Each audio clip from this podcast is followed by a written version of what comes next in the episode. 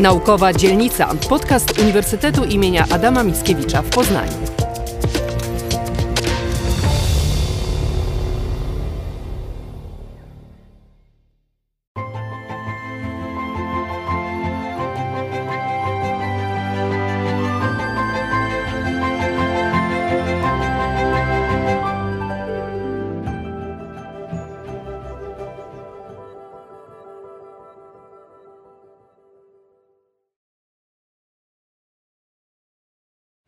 Dzień dobry, witamy Państwa dzisiaj serdecznie e, z profesor Iwoną Chmurą-Rutkowską. Dzień dobry. Ja się nazywam Anna Schmidt-Widler. Witamy w odcinku Akademii Zrównoważonego Rozwoju poświęconemu kwestii równości.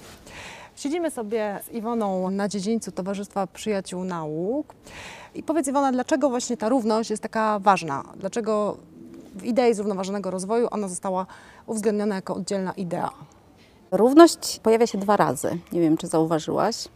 E, Jedna to jest idea wyrażona w takim haśle więcej równości, wszystkich dla wszystkich, ale jest też jeden cel, który poświęcony jest szczególnej cesze e, e, ludzkiego gatunku, czyli płci. I rzeczywiście em, warto tutaj przyłożyć trochę oko do tej sprawy, bo okazuje się, że niezależnie od tego, jak, na jakim poziomie rozwoju cywilizacyjnym jest społeczeństwo, to wszędzie rejestrujemy na poziomie danych, ale też takich obserwacji życia codziennego, nierównowagę, równe różne doświadczenia, ale też e, nierówne możliwości i nierówny dostęp do cenionych społecznie dóbr i zasobów między kobietami i mężczyznami, ale także między dziewczynkami i chłopcami.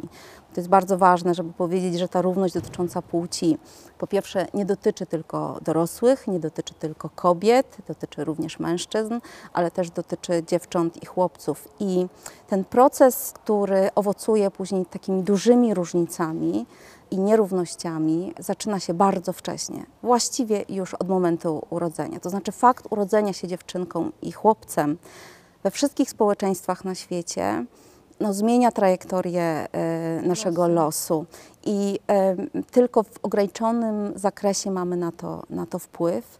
E, Mamy na to, na, za to narzędzia społeczne, takie różne maszyny społeczne, takie jak na przykład edukacja, żeby ten świat urządzać bardziej sprawiedliwie i dla dziewcząt, i dla chłopców, a w konsekwencji dla kobiet i dla mężczyzn. Więc sprawa równości płci jest sprawą nas wszystkich, nie tylko, nie tylko kobiet. I wbrew temu, co się sądzi, równość nie jest zagrożeniem dla nikogo. E, Na równości korzystają wszyscy e, i warto też to położyć na stole. E, I dotyczy to oczywiście wszystkich przesłanek dyskryminacji, ale płci także. Na równości, czyli na możliwości korzystania z zasobów społecznych, możliwości rozwijania siebie, ale też oddawania społeczeństwu swojego potencjału, czyli z jednej strony rozwijania swojego potencjału na 100%, a z drugiej strony możliwość dzielenia się i włączania tych swoich zasobów do dobrostanu całego społeczeństwa jest kluczową e, taką ideą, która leży u podstaw polityk równościowych i filozofii równościowej. Więc równość nie, jest, nie wynika tylko z praw człowieka, ale wynika także z takiej, powiedziałabym, bardzo racjonalnej kalkulacji Opłaca się. zysków. Równość się tak, opłaca. opłaca. opłaca się wszystkim. Nierówność opłaca się małej grupie uprzywilejowanych, równość opłaca się wszystkim. Tak, e, mówiłaś o tych etapach w życiu człowieczym związanych z wiekiem, czyli o tym konieczności edukacji od małego i uczenia e, pewnych postaw i zwracania uwagi na kwestie równości od naszych wczesnych lat e, dziecięcych. A my obie pracujemy na uniwersytecie i myślę, że nieprzypadkowo wybrałaś miejsce, w którym się teraz znajdujemy, czyli powtórzmy piękny dziedziniec Poznańskiego Towarzystwa Przyjaciół Nauk, dlatego że on się wiąże z uczelnią, z faktem, że właśnie my sobie teraz, dwie kobiety, siedzimy w XXI wieku na ławce i rozmawiamy o kwestiach równościowych. Możesz ten wątek trochę uwypuklić? No w ogóle czujemy się u siebie i czujemy się tu dobrze i e, czujemy, że to jest nasze miejsce. E, Zupełnie inaczej było 100 lat temu, zaledwie 100 lat temu, bo to jest e, pokolenie naszych praprababek. E, I to miejsce właściwie jako miejsce, gdzie się dystrybuowało wiedzę, gdzie był dostęp do nowoczesnej wiedzy, ale też dostęp do możliwości publicznego przemawiania, e, dostęp do towarzystwa, które rozmawiało o nauce i ważnych sprawach na świecie, ale też e, towarzystwo, które zakładało absolutnie niezwykłą instytucję, jaką jest uniwersytet no to była przestrzeń od setek tysięcy lat zarezerwowana dla aktywności mężczyzn. A w tym towarzystwie 100 lat temu pojawiła się profesorka Ludwika Dobrzyńska-Rybicka. Absolutnie niezwykła postać. Była jedyna w tym gronie męskim. Była filozofką i socjolożką i właściwie zajmowała się kwestiami, które wydają się do dzisiaj takim gettem y, męskich często zainteresowań i karier naukowych, więc pokonała w swoim życiu kilka kilka barier y, i jako y, kobieta, i też jako Polka, która żyła w czasach, kiedy państwa polskiego nie było. I pojawiła się i miała ogromny wpływ na to, jak ten uniwersytet wyglądał. Była równorzędną partnerką do rozmowy i do współdecydowania nie tylko o sobie, ale w ogóle o tym świecie, który się tutaj tworzył i o państwowości polskiej. Trafiła na dobry moment. W 1919 roku Polki po wielu latach e, starań, walki różnymi metodami wreszcie dostają to, czego chcą, czyli czynne i bierne prawo wyborcze, stają się dorosłymi osobami, obywatelami i obywatelkami. W tym samym e, czasie powstaje zapis w Konstytucji, który uznaje w końcu, że kobiety i mężczyźni mają równe prawa i obowiązki. To otwiera też możliwości studiowania, której kobiety na ziemiach polskich nie miały. Dobrzyńska Rybicka, jak wiele ówczesnych, nielicznych, ale ówczesnych naukowczyń, musiała, żeby studiować, wyjechać E, z domu. Studiowała w Curychu, w Paryżu, w Oksfordzie, w Louvain. E, wszędzie tam drzwi uniwersytetów już były otwarte. To widać, jak mocno kultura i nasze przekonania decydują o tym, które drzwi otwieramy kobietom i mężczyznom, a które zamykamy. Że to nie ma nic wspólnego z naszą naturą, tylko z naszym myśleniem i stereotypami na ten temat. Dobrzyńska Rybicka skorzystała z tych otwartych drzwi, e, pomogło jej bardzo wiele osób. E, na przykład pomogła jej zamożna ciotka, która umożliwiła jej e, zdobycie wykształcenia na poziomie dobrego liceum, ale potem pomógł jej ksiądz, biskup, rodzina, bliscy. Mówię o tym dlatego, że to się wiąże z tym, co powiedziałam wcześniej, że sprawa emancypacji kobiet, i możliwości korzystania z ich, e, ich zasobów społecznych jest sprawą nas wszystkich, ale my wszyscy też na to pracujemy i każdy z nas, niezależnie od tego, jaki zawód wykonuje, czy jest rodzicem, czy jest opiekunem, czy jest nauczycielem, nauczycielką, naukowcem, naukowczynią, ma tu jakąś robotę do wykonania. Dobrzyńska Rybicka była jedną z tych kobiet, które otworzyły nam też, nam też te drzwi i to, że mm, jesteśmy u siebie, możemy być sobą, e, możemy rozwijać swój potencjał, ale też e, e, czujemy się bezpiecznie w tej, w tej przestrzeni.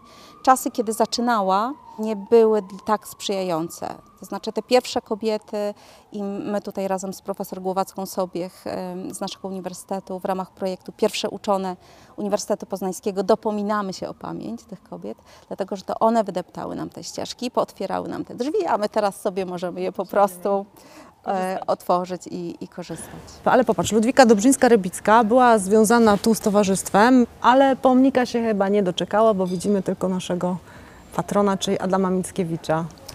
No tak, kobietom bardzo trudno się jest przebić do zbiorowej pamięci. E, z jednej strony to jest właśnie efekt długiego czasu patriarchatu.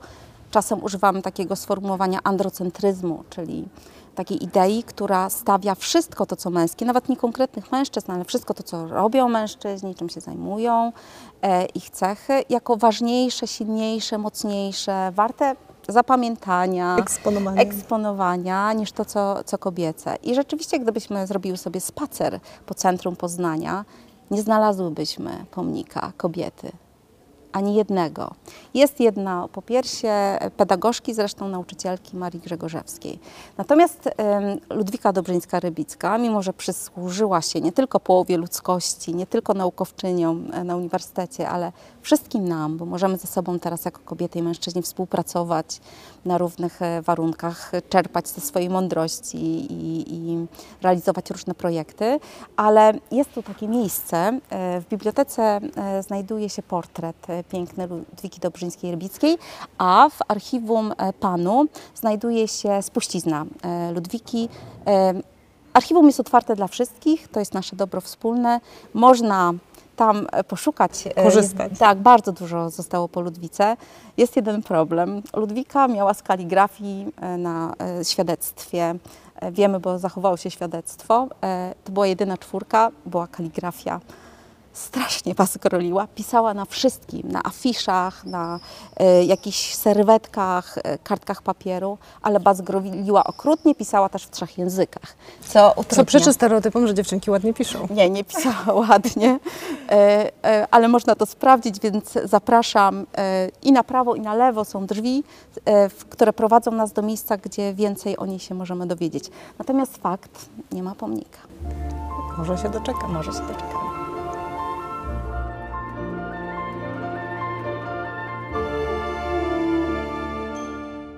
Fundusz Ludnościowy ONZ kilka lat temu rozpoczął niezwykłą kampanię.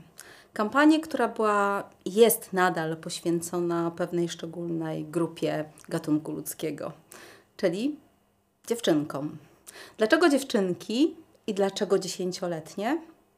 To, jak będzie wyglądał świat za 15 lat, będzie zależeć od tego, czy robimy wszystko, co w naszej mocy, by wesprzeć rozwój i potencjał dziesięcioletnich dziewcząt gdy dziewczynka może realizować swoje prawa, zachować zdrowie, ukończyć edukację i podejmować decyzje dotyczące własnego życia, zarówno ona, jak i wszyscy wokół niej wygrywają. Za każdym razem, gdy potencjał dziewczyny maleje, wszyscy przegrywamy. To właściwie w takim esencjonalnym sposobie jest streszczenie tego, czym są cele zrównoważonego rozwoju skupione i zadania zrównoważonego rozwoju skupione na równości płci. Równość nie jest dla nikogo zagrożeniem, natomiast nierówność, owszem, nie tylko dla tej grupy, której odmawia się praw, której odmawia się zasobów, której odmawia się możliwości pełnego rozwoju, ale dla całego społeczeństwa. Ponieważ kobiety to połowa ludzkości, odmawianie im cennych społecznie zasobów, odmawianie im praw jest stratą dla nas wszystkich. Twarzą przyszłości, zdaniem ONZ, jest twarz dziewczynki. I to, co w tej chwili zrobimy dla dorastających dziewcząt wszędzie na świecie, przełoży się na dobrostan nas wszystkich. Różnice między życiem, codziennością, doświadczeniami dziewcząt i chłopców wszędzie na świecie są bardzo różne. One mają bardzo różną też przyczynę. Wiele z nich wynika z tego, co myślimy w ogóle o płci i o różnicy płci. Przykładem są badania z 2014 roku, zorganizowane przez Światową Organizację Zdrowia, która zmapowała najważniejsze różnice między dobrostanem współczesnych dziewczynek i chłopców w wieku wczesnej adolescencji i później adolescencji, czyli dorastania. Jak widzicie Państwo, na bardzo różnych obszarach życia dziewczęta i chłopcy w różnych miejscach świata zgłaszają różne problemy, albo te same problemy, ale albo z różnym natężeniem. Większość tych czynników, które wpływają na różnice, mają socjogenny charakter, czyli wynikają z tego, jak postrzegamy, czego oczekujemy, co dajemy dziewczętom i chłopcom na wszystkich etapach rozwoju. Gdy spojrzymy na te wyniki w kontekście polskim, który nas najbardziej interesuje, to widzimy wyraźnie, że 11, 13, 15-letnie dziewczęta, mimo zagwarantowanej równości płci w naszym kraju, mimo koedukacyjnej edukacji, mimo teoretycznie zakazu wszelkiej dyskryminacji ze względu na płeć, dziewczęta doświadczają szczególnych problemów rozwojowych. Nie wynika to z ich biologii, ale z tego, jak postrzegamy bycie kobietą, jak postrzegamy bycie dziewczyną i czego oczekujemy od dziewcząt. Dziesiąty rok życia jest bardzo szczególny, dlatego że wtedy właśnie społeczeństwa, większość z nich, upomina się o cechy, które w danej kulturze uznajemy za kobiece. Wiele z tych cech to oznaka tego, że zaczynamy blokować rozwój. Ponieważ myślimy dosyć stereotypowo i wszystkie właściwie cechy ludzkie, zachowania, atrybuty, charakterystyki mamy tendencję do polaryzowania, czyli dzielenia na kobiece i męskie, to tak jakbyśmy dziewczętom i chłopcom nie dawali całej skrzynki z narzędziami, która jest potrzebna do rozwoju, ale tylko połowę. I to wystarczająca blokada. Powiem dwa słowa o tym, w jaki sposób używa się w dokumentach międzynarodowych, w, mm, również w tym strategicznym dokumencie e, celów zrówno, zrównoważonego rozwoju, ale też w nauce i w naukach społecznych, w jaki sposób używamy słowa płeć, w jak różny sposób patrzymy na to zjawisko. Z jednej strony mówimy o biologii, czyli o różnych cechach i funkcjach biologicznych kobiet i mężczyzn, i też i podobieństwach i różnicach w tym zakresie, ale dużym obszarem badań i dużym obszarem nierówności jest to, co nazywamy gender, inaczej płcią społeczno-kulturową, inaczej rodzajem, chociaż to słowo niezbyt mocno i niezbyt dobrze zakorzeniło się w polskiej nauce. Wszystko to, co jest stworzone społecznie, różne wzorce, atrybuty, wyobrażenia, cechy, role, wartości i normy przypisywane kobietom lub mężczyznom, dziewczętom lub chłopcom, e, różne w zależności od kultury, różne w zależności od czasów, e, to są wszystko kwestie, które zmieniają się i mogą ulegać zmianom. I to jest nadzieja dla równości, bo jeśli coś nie jest naturalne, to znaczy, że mamy na to wpływ.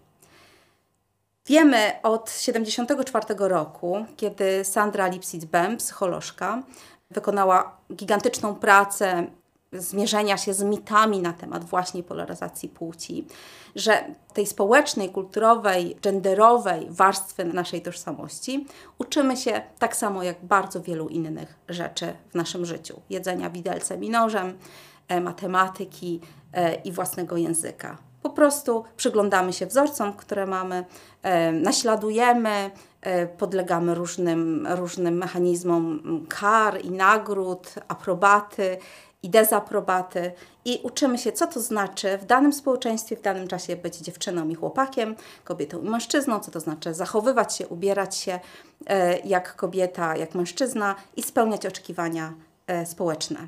Problem w tym, że wiele z tych społecznych oczekiwań to pułapki. Tu macie Państwo oczywiście taki obraz przerysowanych, karykaturalnych wręcz sposobów, przy pomocy których kultura odciska w naszych ciałach i w naszych życiach presje i wymagania dotyczące płci. Na szczęście większość z nas ma dużo bardziej mozaikowatą strukturę tożsamości płciowej i korzysta zarówno z tej skrzynki z narzędziami, z cech, które uznawane są w kulturze za męskie i te, które są uznawane za kobiece. I to jest też odkrycie Sandry Bem. Cele zrównoważonego rozwoju. Jak się ma to wszystko do tego, co wiemy o, o płci, o genderze i o różnicach i e, wspólnych cechach kobiet i mężczyzn. Równość płci to po pierwsze prawo człowieka, każdego bez wyjątku, do tego, żeby móc się rozwijać na swoje 100%, żeby rozwijać swój potencjał, ale też fundament i to jest też podstawa tej wielkiej maszyny, którą tworzą cele zrównoważonego rozwoju, to fundament bardziej sprawiedliwego, bardziej pokojowego i większym dobrobycie budowanego świata. Żeby osiągnąć równość płci. Możemy zrobić wiele, może to zrobić każdy z nas na, w każdym miejscu, w którym się znajduje, swojego życia, w każdym miejscu struktury społecznej, ale w celach zrównoważonego rozwoju wypracowano kilka głównych, najbardziej punktualnych zadań w tym obszarze. Po pierwsze, wzmocnić pozycję kobiet i dziewcząt, wzmocnić przede wszystkim w taki sposób, żeby tam, gdzie jest to możliwe, eliminować różne mity, stereotypy, zabobony i bariery, które przeszkadzają dziewczętom i kobietom rozwijać swój potencjał, ale też i mężczyznom i chłopcom. Przeciwdziałanie dyskryminacji odnosi się do bardzo konkretnego, bardzo szczególnego zjawiska do dyskryminacji. Jak rozumiemy współcześnie dyskryminację? Dyskryminację rozumiemy jako niesprawiedliwe, gorsze traktowanie. Ono może mieć różne formy, którego doświadczają albo pojedyncze osoby, albo całe grupy, albo kategorie społeczne ze względu na pewne charakterystyki, albo ze względu na przypisywanie tych ludzi do kategorii lub do grup. Ta dyskryminacja też może mieć bardzo różny poziom i bardzo różne formy. Kiedy mówimy o gorszym traktowaniu jednego człowieka przez drugiego, mówimy o dyskryminacji bezpośredniej. Wtedy, kiedy mówimy o niesprawiedliwym prawie, o krzywdzącym obyczaju, mówimy o dyskryminacji pośredniej. Bardzo często ten poziom jest dla nas niewidzialny, nieodczuwalny, bo jest wpisany w nasze codzienne obyczaje, zwyczaje, sposoby myślenia. I wreszcie dyskryminacja krzyżowa. Też niezauważalny proces, którego doświadcza większość z nas czyli bycia gorzej traktowanym ze względu nie na jedną cechę, ale na pewien splot cech. I płeć jest jedną z tych najbardziej wystających, najczęściej pojawiających się w, i odczuwanych jako dyskryminujące cech człowieka. Ta kumulacja niesprawiedliwości to też przyczyna, dla której postrzegamy dyskryminację ze względu na płeć jako jeden z ważnych czynników, który niezależnie od tego, czy mówimy o czasie wojny, czy o czasie pokoju, niezależnie od tego, w jakim wieku jest ta osoba, niezależnie od tego, w jakiej społeczności żyje, jaki ma status materialny, to widzimy, że płeć kumulatywnie razem z innymi cechami przekłada się na gorszą sytuację i gorsze traktowanie. To jest model, którego używamy, nazywamy to kołem różnorodności, którego używamy, żeby zrozumieć, jak bardzo wszyscy, wszystkich nas dotyczy, dotyczy nierówne traktowanie. Każdy z nas, niezależnie od tego, w jakim jest wieku, ile ma melaniny w skórze, z jakiej grupy etnicznej pochodzi, jaką ma tożsamość płciową, orientację seksualną, jakąś ma. To oznacza, że nie jest problemem to, że jesteśmy różni w tym obszarze, ale to, w jaki sposób traktowani jesteśmy przez społeczeństwo, w którym żyjemy. Problem w tym, że nie wszystkie możliwości czy różnorodności w zakresie bycia człowiekiem są akceptowane. Niestety w większości społeczeństw dzielimy ludzi nie tylko na my i oni, ale na lepsi i gorsi. I w tym obszarze również e, każda kultura wypracowuje sobie takie negatywne stygmatyzujące, e, stygmatyzujące mechanizmy. Globalnie widzimy to e, badając i robiąc meta, metaanalizy międzynarodowe, widzimy, że w różnych obszarach życia kobiety mają mniejsze możliwości do bycia sobą, bycia, czucia się bezpiecznie, decydowania o sobie, o losie swojej społeczności. To jest kwestia statusu materialnego, ich zarobków, to też kwestia zupełnie często wyłączenia z rynku pracy i zależności ekonomicznej od innych. To nieodpłatna praca kobiet, we wszystkich społeczeństwach jest to problem. To niedostateczna albo niewystarczająca, by móc decydować rzeczywiście o sobie reprezentacja kobiet w, społecznych sferach prestiżu i władzy. No i problem, który nazywamy pandemią światową, czyli przemoc wobec kobiet, wszystkie jej formy od czego się to zaczyna i właściwie od czego powinniśmy wszyscy zacząć, żeby mówić o zmianie na lepsze, jeśli chodzi o kierunek zwiększania równości, to to, co mamy w głowie. Nasze przekonania, nasze negatywne emocjonalne nastawienia, wobec osób, które wykraczają poza te normy, czy schematy, czy pudełka płci, no i nasze zachowania, które krzywdzą innych lub ograniczają innym rozwój. Również te zachowania, które przekładają się na normy, obyczaje, zwyczaje i prawa, które opresyjnie blokują rozwój i możliwości działania ludziom. Możemy na to spojrzeć również w ten sposób, czyli widzimy, że pewne grupy ze względu na różne cechy społecznościach mają różny poziom dostępu do cenionych społecznie zasobów, władzy, prestiżu i pieniędzy. I niestety, pomimo tego, że kobiety są połową społeczności naszego globu, to są w tym znaczeniu grupą mniejszościową. O co chodzi w równości? W równości chodzi również o różnorodność. Czasami te dwa pojęcia są sobie przeciwstawiane, ale tak naprawdę one w tej idei, w tej koncepcji pracują wspólnie na siebie. Równość to możliwość, tak jak już mówiłam, do do tego, żeby każda osoba, niezależnie od wielu różnych cech i, e, i charakterystyk, mogła mieć równe prawa, mogła korzystać ze swojej wolności i mogła mieć równy dostęp do cenionych społecznie dóbr, ale też pełnego rozwoju. Czym jest różnorodność? No to coś, z czym wiele społeczeństw ma problem, czyli akceptacja dostrzeganie, akceptacja i docenianie tego, że jesteśmy różni. Różnica wcale nie musi być przeszkodą, może być zasobem, może być e, wzbogaceniem i może przełożyć się przy odpowiednim pozytywnym nastawieniu na tworzenie świata, który jest dobry, lepszy dla wszystkich, a nie dla tylko szczególnej grupy. Mówiłam tutaj o szczególnych wyzwaniach związanych z, ze zjawiskami przemocy. Rzeczywiście kilka zadań jest skupionych na zjawiskach, które związane są z krzywdzeniem bezpośrednim albo właśnie poprzez obyczaje i zwyczaje. W każdym społeczeństwie mamy do czynienia i obserwujemy tego typu praktyki. Są zjawiska, które są specyficzne tylko dla pewnych kultur, są zjawiska, które są wraz z rozwojem cywilizacyjnym y, i z historią chowane do lamusa ale w większości społeczeństw takie zwyczaje i praktyki są. Jest szczególna nazwa na, na te przemocowe, krzywdzące zjawiska.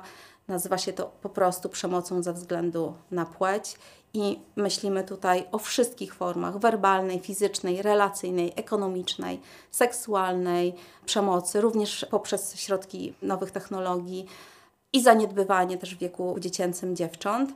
I tak jak już mówiłam, ma to rozmiar epidemii. Przykład, jak e, bycie dziewczyną czy bycie kobietą w bardzo skrajnie trudnych warunkach jest takim czynnikiem, który pogarsza jeszcze sytuację osób. Wiemy, że w tej chwili około 250 milionów dzieci żyje codziennie w strefie działań, działań wojennych. To oczywiście przekłada się na bardzo niski ich dobrostan. Ale w przypadku dziewcząt dzieje się coś jeszcze. 98% osób, które doświadczają wykorzystania seksualnego, to właśnie dziewczynki. I w czasie, kiedy e, społeczeństwo przeżywa kryzys czy trudności, widzimy to również w czasie pandemii, prawa dziewcząt schodzą na plan dalszy i pojawiają się i eskalują stare formy przemocy. Mówimy tu o zjawiskach globalnych, ale chciałabym się z Państwem podzielić swoim doświadczeniem badawczym i wynikami swoich badań. Kilka lat temu prowadziłam projekt w szkołach polskich. Przez długi okres czasu rozmawiałam, obserwowałam życie codzienne w szkołach i to, jak nastoletnie dziewczęta i chłopcy myślą o sobie, układają sobie relacje, właśnie ze szczególną uwagą przyglądając się ich myśleniu o płci i tego, jak układają relacje między dziewczętami i chłopcami, ale też wewnątrz grup płciowych. To, co jest pierwszym, najważniejszym wynikiem moich badań, to bardzo zseksualizowane i zwulgaryzowane językowe określenia, jakim młodzi ludzie w Polsce obecnie się krzywdzą. My bardzo często w badaniach widzimy, że przemoc werbalna jest na pierwszym miejscu, ale wtedy, kiedy przyjrzymy się bliżej temu językowi, to widzimy wyraźnie, że on bardzo mocno dotyczy płci, bardzo mocno dotyczy seksualności, mocno dotyczy ciała. To oczywiście też w różnych bardziej wyeskalowanych formach dotyczy naruszeń fizycznych, a to dopiero początek. Mówimy o bardzo młodych osobach, 13, 15, 16-letnich. Ten problem nie znika w dorosłości. Język pogardy również w Polsce jest bardzo mocno nacechowany stereotypami i uprzedzeniami związanymi z płcią. Te zjawiska, o których mówię, to właśnie slut shaming, fat shaming, również język homofobiczny, który widzimy w badaniach mocno eskaluje. Kolejna rzecz, która mocno dotyczy również Polski, to nieodpłatna praca kobiet na rzecz rodziny. To, co przed nami wszystkimi, to po pierwsze zauważyć tę pracę jako ważną i fundamentalną dla przetrwania ludzi, ale też ją docenić. Można to robić na, na wiele sposobów. W Polsce, podobnie jak na świecie, kobiety wykonują dwie trzecie prac domowych, nie otrzymując za to żadnego wynagrodzenia. I mimo, że ta praca w domu jest często pracą na cały etat, to otrzymują, również pracując zawodowo, 5% światowego dochodu i posiadają mniej niż 1% światowej własności. Nie trzeba być specjalnym specjalistą i specjalistką od statystyki, żeby widzieć, jak mocno jest to niesprawiedliwe. Współdecydowanie. Pełen, efektywny, realny wpływ kobiet na życie społeczności to szansa na skorzystanie z ich zasobów, z ich wiedzy, z ich inteligencji i doświadczenia. Jeśli zarówno na poziomie władzy ekonomicznej, jak i poziomie władzy politycznej nie korzystamy z tych zasobów, marnujemy te talenty. Tak wygląda Polska Rada Ministrów obecnie. Na 21 osób mamy jedną kobietę. Pytanie dlaczego otwiera przestrzeń do demaskowania tych mechanizmów, o których mówimy w kontekście celów zrównoważonego rozwoju. W Sejmie nie dobiliśmy jeszcze do 30%, chociaż mamy rekordowo dużą e, liczbę kobiet, w Senacie 24%. Jesteśmy w średniej europejskiej, ale to nadal nie, e, nie daje możliwości realnej, żeby interesy kobiet były w mainstreamie. Unii Europejskiej, pomimo bardzo wielu działań, przynajmniej takich fasadowych i wielu programowych, nadal mamy małą reprezentację kobiet w zarządzie. Są oczywiście inne agendy, które decydują, czy mają coś do powiedzenia na temat kobiecości, męskości, życia rodzinnego, które to jest jeden z przykładów, w ogóle ignorują obecność, głos i perspektywę perspektywę kobiet. Może być oczywiście inaczej i to jest również informacja o tym, że nie jest to kwestia biologii czy jakiegoś determinizmu społecznego, że możemy wszyscy to zmieniać. Rząd Kanady wygląda zupełnie inaczej. Jest zróżnicowany nie tylko pod względem płci, ale także etniczności, poziomu sprawności i wieku. Problem, z którym muszą zmierzyć się dziewczyny, kobiety, to to, że świat władzy, prestiżu, pieniędzy był kształtowany przez mężczyzn z punktu widzenia ich definiowanych wartości i bez udziału kobiet. I nadal taki jest. Co robimy w tym kierunku? No niewiele. Razem z dwoma koleżankami, z panią profesor Edytą Głowacką-Sobiech i profesor Izabelą Skurzyńską z naszego uniwersytetu, przez kilka lat analizowałyśmy podręczniki do historii. Interesowało nas, ile kobiet, ile perspektywy kobiecej, losów kobiet, bohaterek kobiecych jest włączonych w opowieść o świecie, o historii o świecie. 3 do 5%. Gdzie się podziały wszystkie superbohaterki? Nie ma ich ani w narracji, ani właściwie w opowieści narysowanej, wymyślonej, wykreowanej, wtedy, kiedy opowiadamy o strukturze społecznej. Znowu zadam pytanie retoryczne: dlaczego?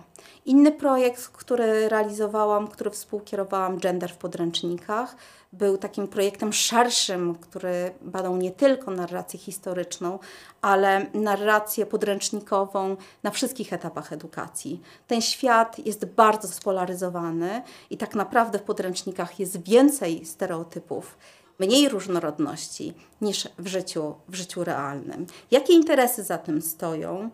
Czemu to służy i jaki ma skutek?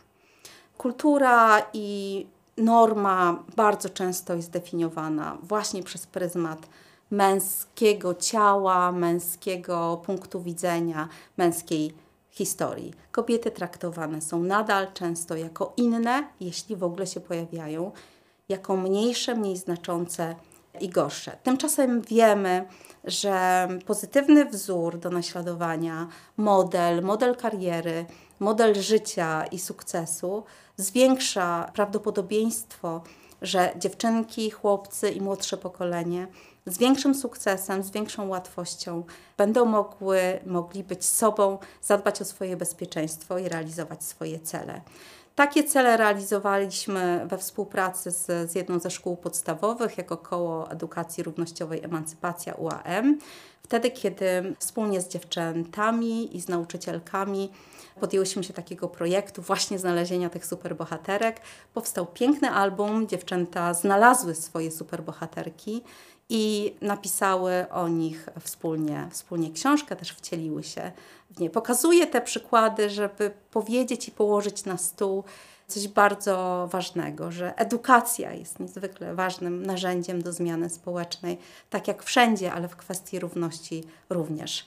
wielki temat, który tylko tutaj zasygnalizuje, mm, który jest elementem równości płci, to zdrowie seksualne i reprodukcyjne, również w zakresie możliwości świadomego decydowania o swojej seksualności, o swoim rodzicielstwie, ale też zadbania o bezpieczeństwo i zdrowie w tym obszarze.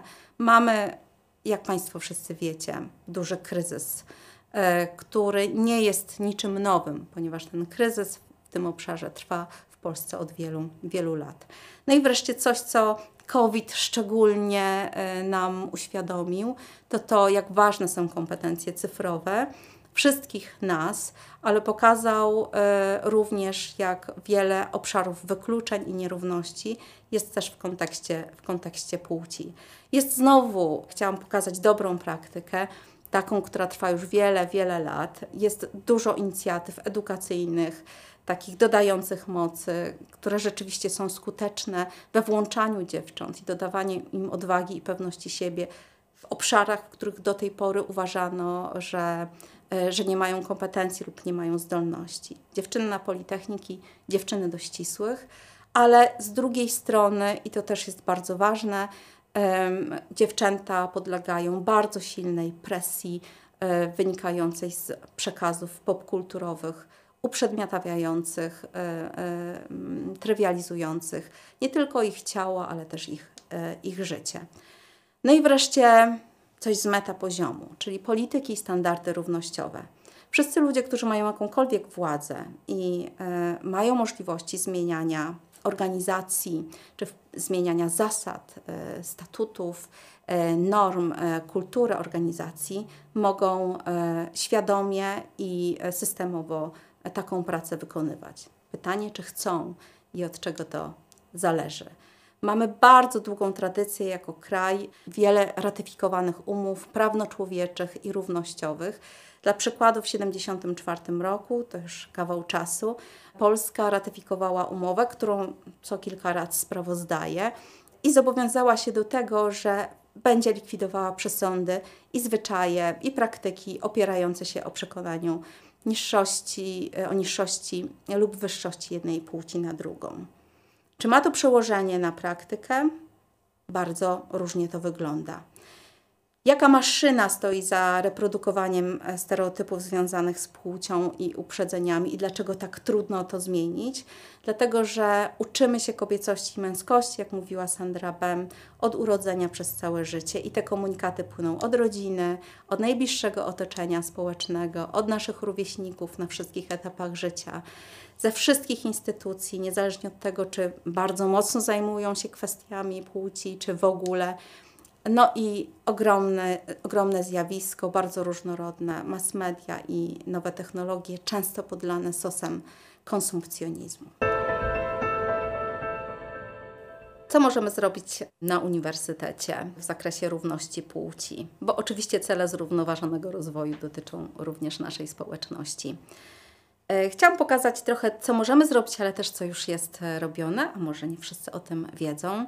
Naj, najbliżej mi do takiego projektu, który, e, który się nazywa Gdy nauka jest kobietą, więc najwięcej opowiem o nim, chociaż wiem, że tych inicjatyw, działań jest, jest bardzo dużo.